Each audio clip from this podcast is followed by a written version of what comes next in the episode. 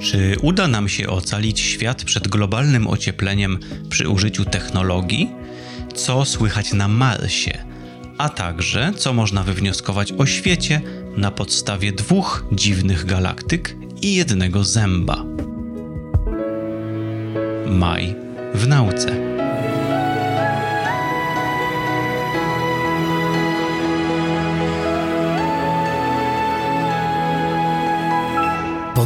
Powszechny. Weź, słuchaj. Dziękujemy patronkom i patronom za wsparcie. Dołącz do grona dobroczyńców podcastu Tygodnika Powszechnego w serwisie Patronite. Y, cześć i czołem, szanowni państwo, Łukasz Lamża z tej strony i kolejny przegląd comiesięcznych wydarzeń w nauce.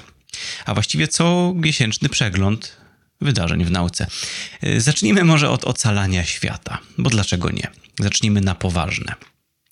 Wiemy już nie od dzisiaj, e, mniej więcej od 100 lat, a z taką dużą pewnością mniej więcej od 30, że ten e, cały uwalniany przez nas dwutlenek węgla w atmosferze może wywoływać poważne problemy dla długofalowego komfortu naszego gatunku e, i wielu innych gatunków też zresztą. No więc cóż czynić? Jedną nóżką naszych czynności są działania zapobiegawcze, y, stąd mówi się coraz częściej o konieczności podejmowania zmian, zmian naszego stylu życia y, jako gatunku. Natomiast drugą nóżką jest aktywne przeciwdziałanie poprzez choćby usuwanie dwutlenku węgla z atmosfery. No bo dlaczegoż by nie?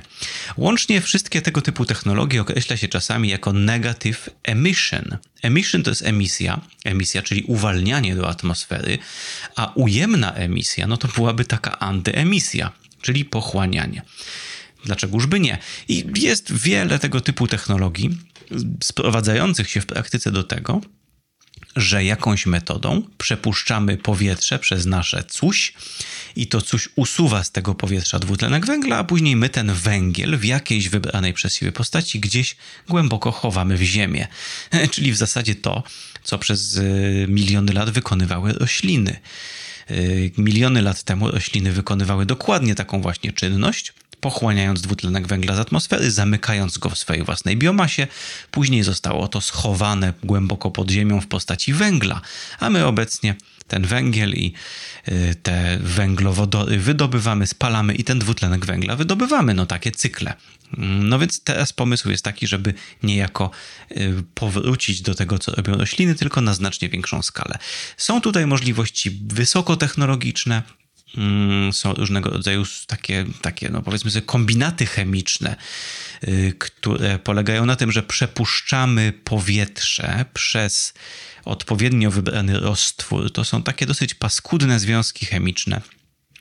To są rzeczy w stylu y, takiego gorącego, ciepłego kwasu y, rozpuszczonego w wodzie. Właściwie tu widzę takie rozwiązania wodorotlenkowe.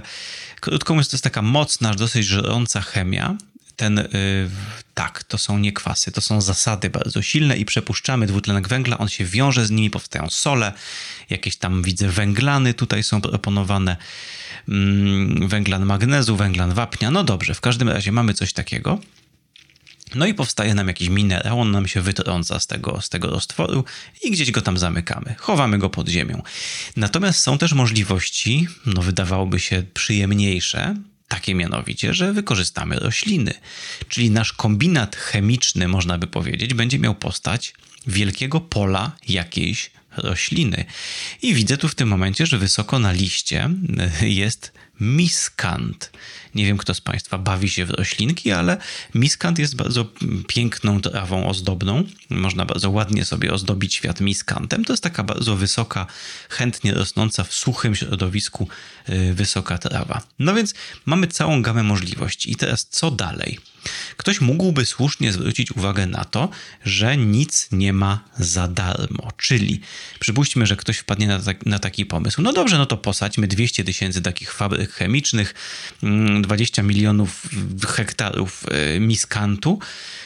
Zróbmy to wszystko, pochowamy dwutlenek węgla, ale hola hola, panie i panowie. Przecież produkując to wszystko, z, zużywamy też materiały, zużywamy zasoby i wytwarzamy też dwutlenek węgla. Prawda? Ktoś musi te sadzonki miskantu na te stepy mm, akermańskie przywieźć, zasadzić. To później trzeba podlać, pompować wodę. Tę wodę się zużywa, może ją trzeba filtrować. Mm, jeżeli mamy takie fabryczki chemiczne, to musimy je zasilać, musimy je zasilać prądem i co? No to ten prąd jakoś wyprodukujemy. To co? Mamy spalać węgiel po to, żeby stworzyć fabryczkę chemiczną, która będzie usuwała węgiel z powietrza. Coś tutaj chyba jest nie do końca tak. No więc pojawia się takie bardzo konkretne pytanie, czy dałoby się to wszystko zorganizować w taki sposób, żeby per saldo był zysk, czyli żeby rzeczywiście była to technologia ujemnej emisji. No i został opublikowany taki piękny artykulik Human and Planetary Health Implications of Negative Emissions Technologies, gdzie w takim duchu ekonomicznym zostało to wszystko po prostu y, podsumowane i przeliczone. Y, tak jak patrzę w tym momencie, mamy tutaj 16, no tak, 16 głównych możliwości, to są przede wszystkim albo technologie chemiczne, albo technologie biologiczne. Czyli albo takie, no tak jak powiedziałem, fabryczki chemiczne z gorącym roztworem jakiegoś wodorotlenku, albo sadzonki.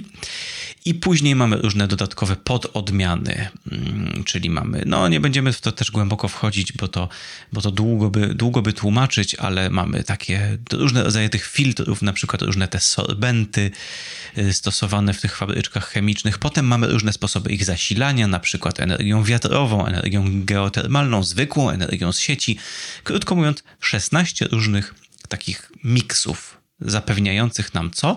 No, zapewniających nam usunięcie z atmosfery do roku 2100 pewnej określonej ilości dwutlenku węgla. Takiej, którą uznano, że no już coś byśmy tam po, po, poważnie wpłynęli na y, globalne ocieplenie, na globalne zmiany klimatyczne. No i koszty. Jakie są tego różne koszty? Patrzę w tym momencie na taki wykres podsumowujący, w którym te to jest, to jest bardzo sprytnie zestawione w przeliczeniu na ludzkie zdrowie, czyli zestawiamy to ze względu na to, ile, ile to globalne ocieplenie, któremu byśmy zapobiegli, ile one by wywołało szkód zdrowotnych, a ile nasze metody zapobiegania globalnemu ociepleniu same w sobie by tych szkód zdrowotnych wywołały. Y, no i trzeba przyznać, że niektóre z nich, niektóre z tych metod wywołałyby rzeczywiście więcej złego niż dobrego. Y, na przykład sadzenie drzew jest y, fatalną tutaj, fatalnym rozwiązaniem. Największe, żebyśmy tak wiedzieli też, jakie są, jakie są te szkody, największe dwie szkody zdrowotne wynikają z A. zużywania wody i B. produkcji drobnych aerozoli, drobnych cząstek do atmosfery. Czyli żeby wykarmić te wszystkie rośliny, no musielibyśmy zużyć potężną ilość wody. Tymczasem woda jest zasobem w wielu stronach świata deficytowym. No zresztą w wielu miejscach świata właśnie braki wody są jednym z najpotężniejszych y, negatywnych przewidywanych skutków globalnego ocieplenia, w związku z czym sadzenie w tych miejscach gigantycznych, wielohektarowych, wielo, y, wieloset hektarowych sadów tylko po to, żeby pochłonęły nam dwutlenek węgla, no mogłoby wywołać negatywne skutki dla życia i zdrowia, właśnie ze względu na zużycie wody.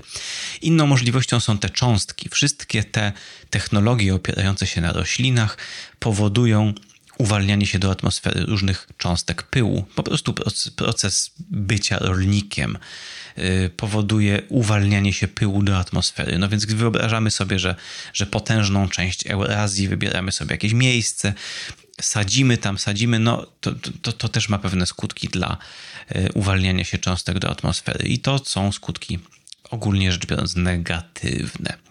No i tak mamy tak, takie właśnie podsumowania. Natomiast niektóre z tych technologii wydają się, właściwie nawet większość, wydają się mieć skutki przeważająco pozytywne. Mm, I teraz na końcu tego artykułu jest takie podsumowanie, gdzie z jednej strony mamy taki ranking tych technologii ze względu na skutki zdrowotne dla ludzi, I obok zaraz mamy taki ranking ze względu na skutki, bardzo to ładnie nazwano, skutki zdrowotne dla Ziemi. Czyli y, jak, jak silnie negatywnie wpłynęłaby taka technologia na naszą planetę.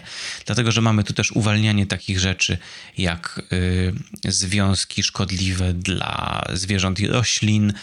Mamy tu takie rzeczy właśnie jak y, negatywne skutki mm, konsumpcji wody dla zwierząt i roślin. Krótko mówiąc, mamy dwa osobne rankingi. Jak szkodliwe, były, szkodliwe byłyby te technologie dla ludzi i dla powiedzmy dla świata. I to nie jest ten sam ranking. Przykładowo, y, numerem jeden, numerem jeden w, ze względu na, na skutki pozytywne dla ludzi jest ten miskant. Wyobraźcie sobie, że gdybyśmy chcieli tylko o sobie myśleć, to najzdrowszą technologią odsysania dwutlenku węgla z powietrza byłoby sadzenie gigantycznych pól miskantu. Natomiast ma to dosyć silne negatywne skutki dla świata. No już choćby ze względu na to, że całe ekosystemy, całe wielkie połacie ziemi musiałyby zostać przeznaczone na taką otóż właśnie monokulturę.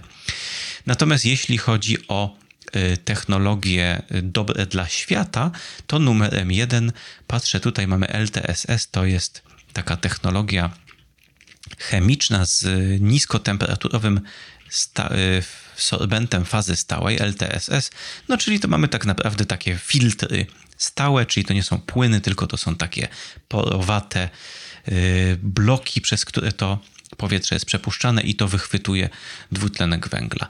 No i, no i to tak to mniej więcej by wyglądało, więc bardzo ciekawy artykuł y, można sobie wybrać, czyli możemy sobie na przykład wybrać jakąś taką technologię, która ma i całkiem niezły wpływ czyli jest skuteczna, jest niezła dla Ziemi i jest niezła dla ludzi. Tutaj patrzę na przykład trzeci w rankingu ludzkim, czwarty w rankingu przyrodniczym. Technologia HTLS DAX napędzana wiatrem, czyli to będzie, już czytam, to będzie High Temperature no bo to mamy HT, czyli jedna z tych wysokotemperaturowych płynnych, no coś, co brzmi paskudnie, czyli mamy ten gorący wodorotlenek, e, takie no żrące, gorące kombinaty chemiczne, przez to przepuszczamy powietrze, wytrącają nam się cząsteczki minerałów, to wszystko jest napędzane farmami wiatraków, no i wygląda na to, że taka technologia odsysania dwutlenku węgla z powietrza jest nie tylko mm, wykonalna, nie tylko mamy taką technologię, ale w dodatku saldo byłaby dobra dla ludzi i dla środowiska. No więc kto wie? Kto wie, jeśli tylko się znajdzie wola i pieniądze, to niewykluczone, że tak będziemy w XXI wieku przeciwdziałać naszym dotychczasowym emisjom. Hmm. Cóż my tu mamy? Ciemna materia. To może Hmm, może odgłosy Marsa. Słuchajcie, co słychać na Marsie? I tu mamy to pytanie zadane zupełnie zupełnie dosłownie, co słychać na Marsie. Mm, cóż mam na myśli? No, na Marsie wylądował całkiem niedawno kolejny łazik, e, Perseverance, i tenże łazik o tu mam e, zanotowane, 18 lutego 2021 roku jest pierwszym, na którym znajduje się działający mikrofon. Były wcześniej próby, e, spojrzałem, były łącznie trzy próby umieszczenia mikrofonu na Marsie, żeby nagrać, jak nam ta e, czerwona planeta brzmi. Natomiast e, tam były różne e, problemy techniczne. Albo się to uszkodziło przy lądowaniu, albo nie udało się uruchomić. Natomiast teraz mikrofon na Marsie działa. No więc możemy posłuchać. Mars ma bądź co bądź taką rzadziutką, ale jednak atmosferę, w związku z czym możemy posłuchać, jak brzmi Mars. No więc, e, ponieważ to, mm, to robi NASA, a NASA ma taką, yy, ma taką politykę, że wszystkie swoje dane udostępnia. No więc udało mi się znaleźć takie gigantyczne katalogi po prostu z nagraniami dźwięków Marsa. I muszę Wam powiedzieć, że jestem, no, może wy będziecie y, bardziej ode mnie podekscytowani. Troszkę się zawiodłem. Myślałem, że tam będą jakieś, jakieś wycie wiatru na Marsie, jakieś odgłosy, nie wiem, piasków marsjańskich uderzających o mikrofon. Tymczasem brzmi to tak.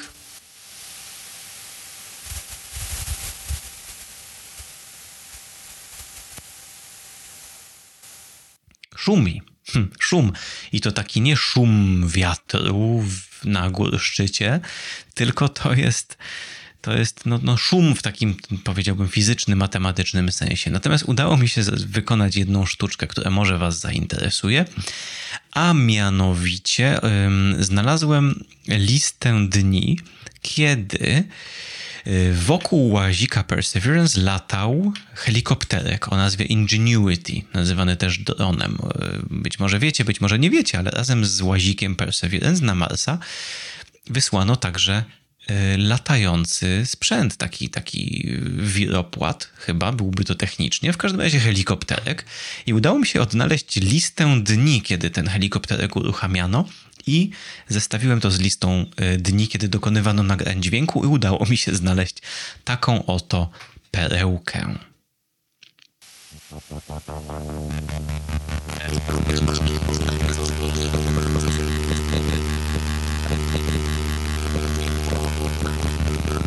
Uh,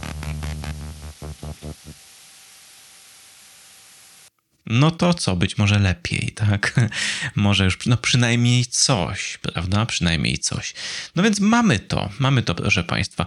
Y, wszyscy czekamy oczywiście na jakąś porządną burzę piaskową na Marsie, na jakieś wichry, nie wiem, coś, cokolwiek w tej cieniutkiej atmosferze, co da nam może jakieś bardziej pobudzające wyobraźnię odgłosy y, Marsa. Póki co mamy to. Naukowcy oczywiście z tego wyciągają różne rzeczy, na przykład wyznaczyli prędkość dźwięku na Marsie.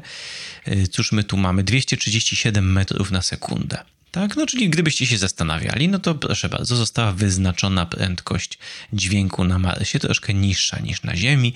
Mm, różne tu parametry turbulencji atmosferycznej naukowcy z tego wyciągają, natomiast my, zwykli ludzie, no musimy chyba jednak jeszcze poczekać na coś, co nas nieco mocniej zakręci. No a cóż dalej? No cóż, co można, tak, tak zagaiłem, co można wywnioskować? Dwa ostatnie y, artykuliki, które tam na szybko wam y, streszczę, można by tak właśnie podsumować. Ależ ci naukowcy sprytni, ależ to cwane bestie. Jeżeli chodzi o wnioskowanie na podstawie małych światełek na niebie, no to już się troszkę przyzwyczailiśmy. Ząb może będzie jeszcze bardziej interesujący.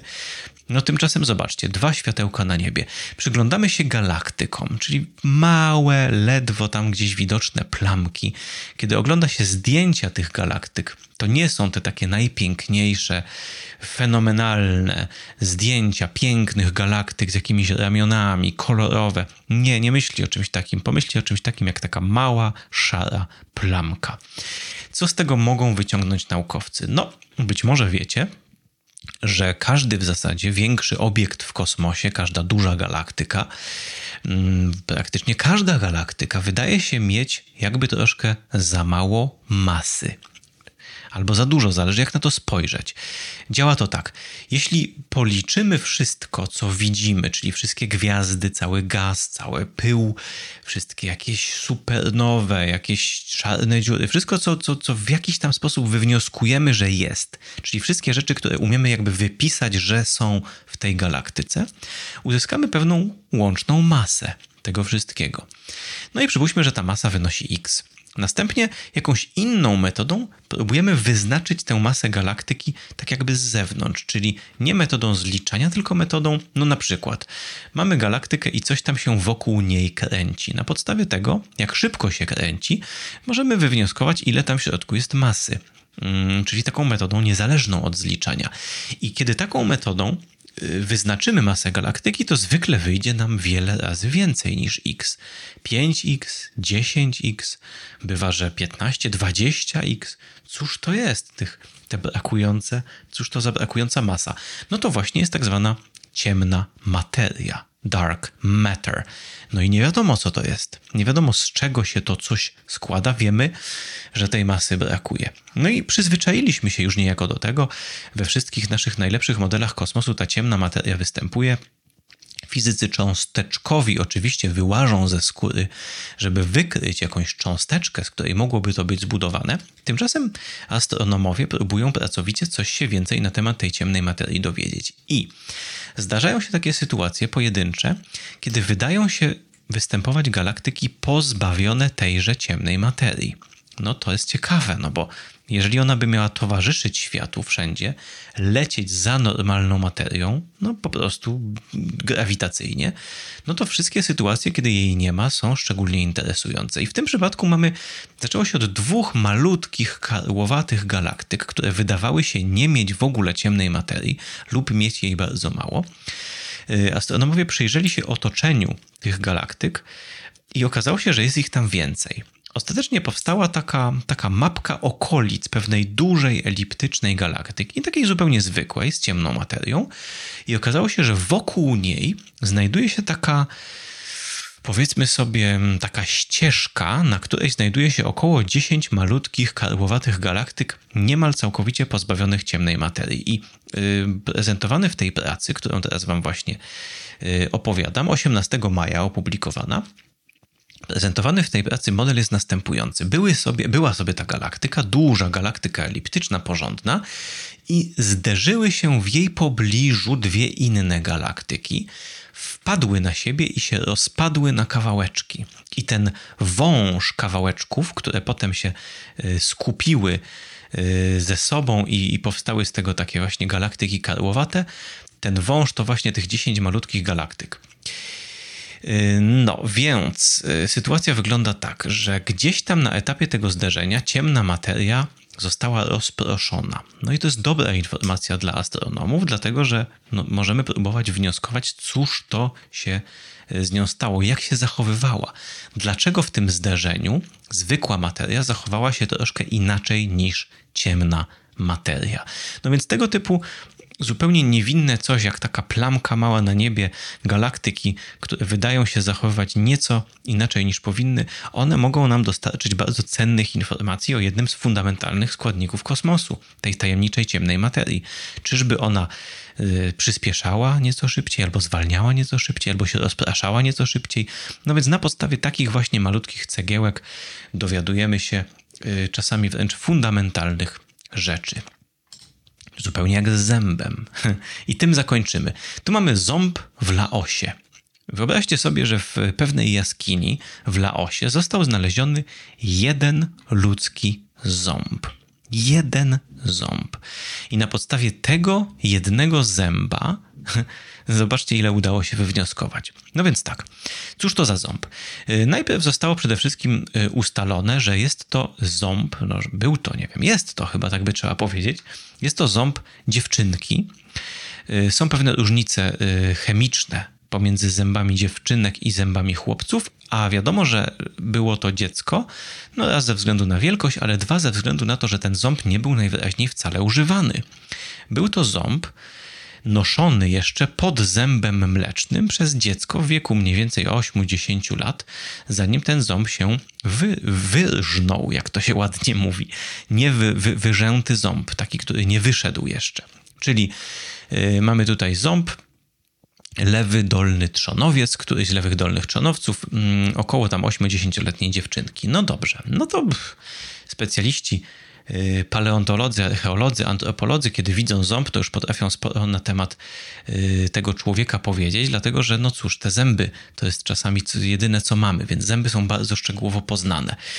No i tutaj mm, została podjęta taka próba dopasowania tego zęba y, do wszystkich znanych dotychczas typów zębów i okazało się, że z wszystkich gatunków, podgatunków, odmian człowieka, jedyny, który wydaje się jakoś w miarę pasować do tego konkretnego przypadku, to zęby tak zwanych Denisowian. Denisowianie to jest taka grupa ludzi pierwotnych, wymarłych, no chociaż mamy w sobie troszkę genów Denisowian, więc tylko można no, częściowo wymarłych, którzy żyli mniej więcej w tym samym czasie co Neandertalczycy. Tu mówimy o takich czasach jak no, ta, ta, ta dziewczynka 150 tysięcy lat temu żyła. Denisowianie. I z Denisowianami jest taki problem, że znamy bardzo niewiele szczątków Denisowian, głównie z Azji Środkowej. Początkowo została znaleziona taka pierwsza grupa znalezisk y, w kość y, w takim terenie na południu Mm, Związku, ja tak mówię, Związku Radzieckiego, bo nie jestem pewien, czy to jest jeszcze na terenie Rosji, czy na terenie Kazachstanu, której z tych republik, tam okolice Tadżykistanu, Uzbekistanu, no te rejony w każdym razie, tak? W jaskini Denisowa, no ale chyba na terenie Rosji, jeśli się nie mylę. Mm, I tam, tam został jakby zdefiniowany ten, jedni mówią gatunek, inni subgatunek Homo sapiens denisoviensis, no to można różnie nazywać. W każdym razie tam. Później coś podobnego znaleziono jeszcze w Tybecie, a teraz mamy Laos. I jeśli pamiętacie z geografii, to Laos znajduje się w Azji Południowo-Wschodniej, daleko, daleko dalej stamtąd. To mamy Indochiny, czyli te wszystkie okolice tam, Wietnam, Kambodża, ten taki piękny brzuszek na południowo-wschodniej części kontynentu euroazjatyckiego, czyli daleko dalej.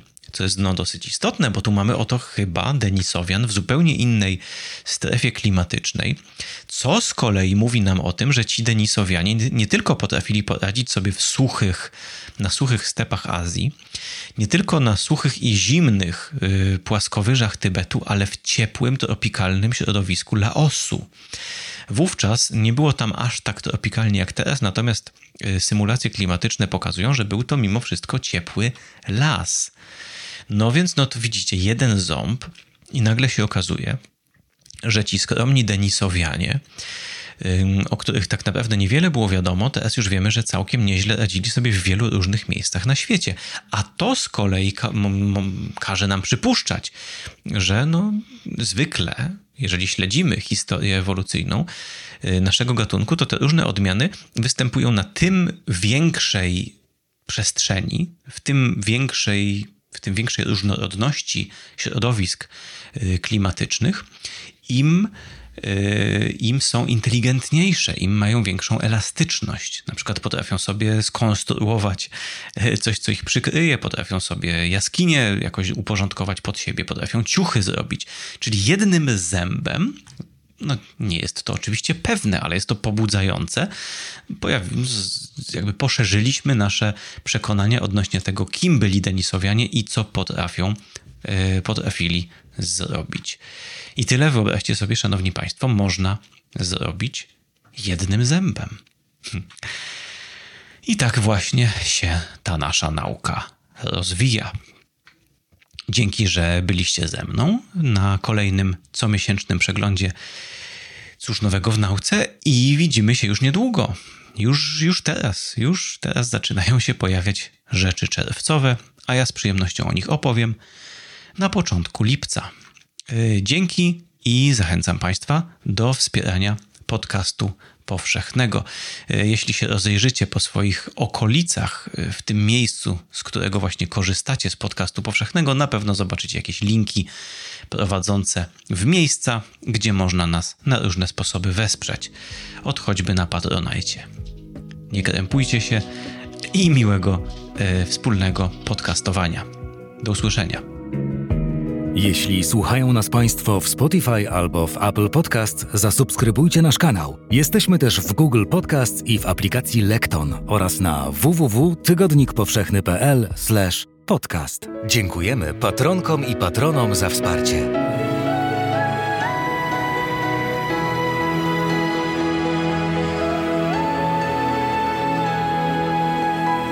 Podcast powszechny. Weź, słuchaj. Współwydawcą podcastu powszechnego jest Fundacja Tygodnika Powszechnego.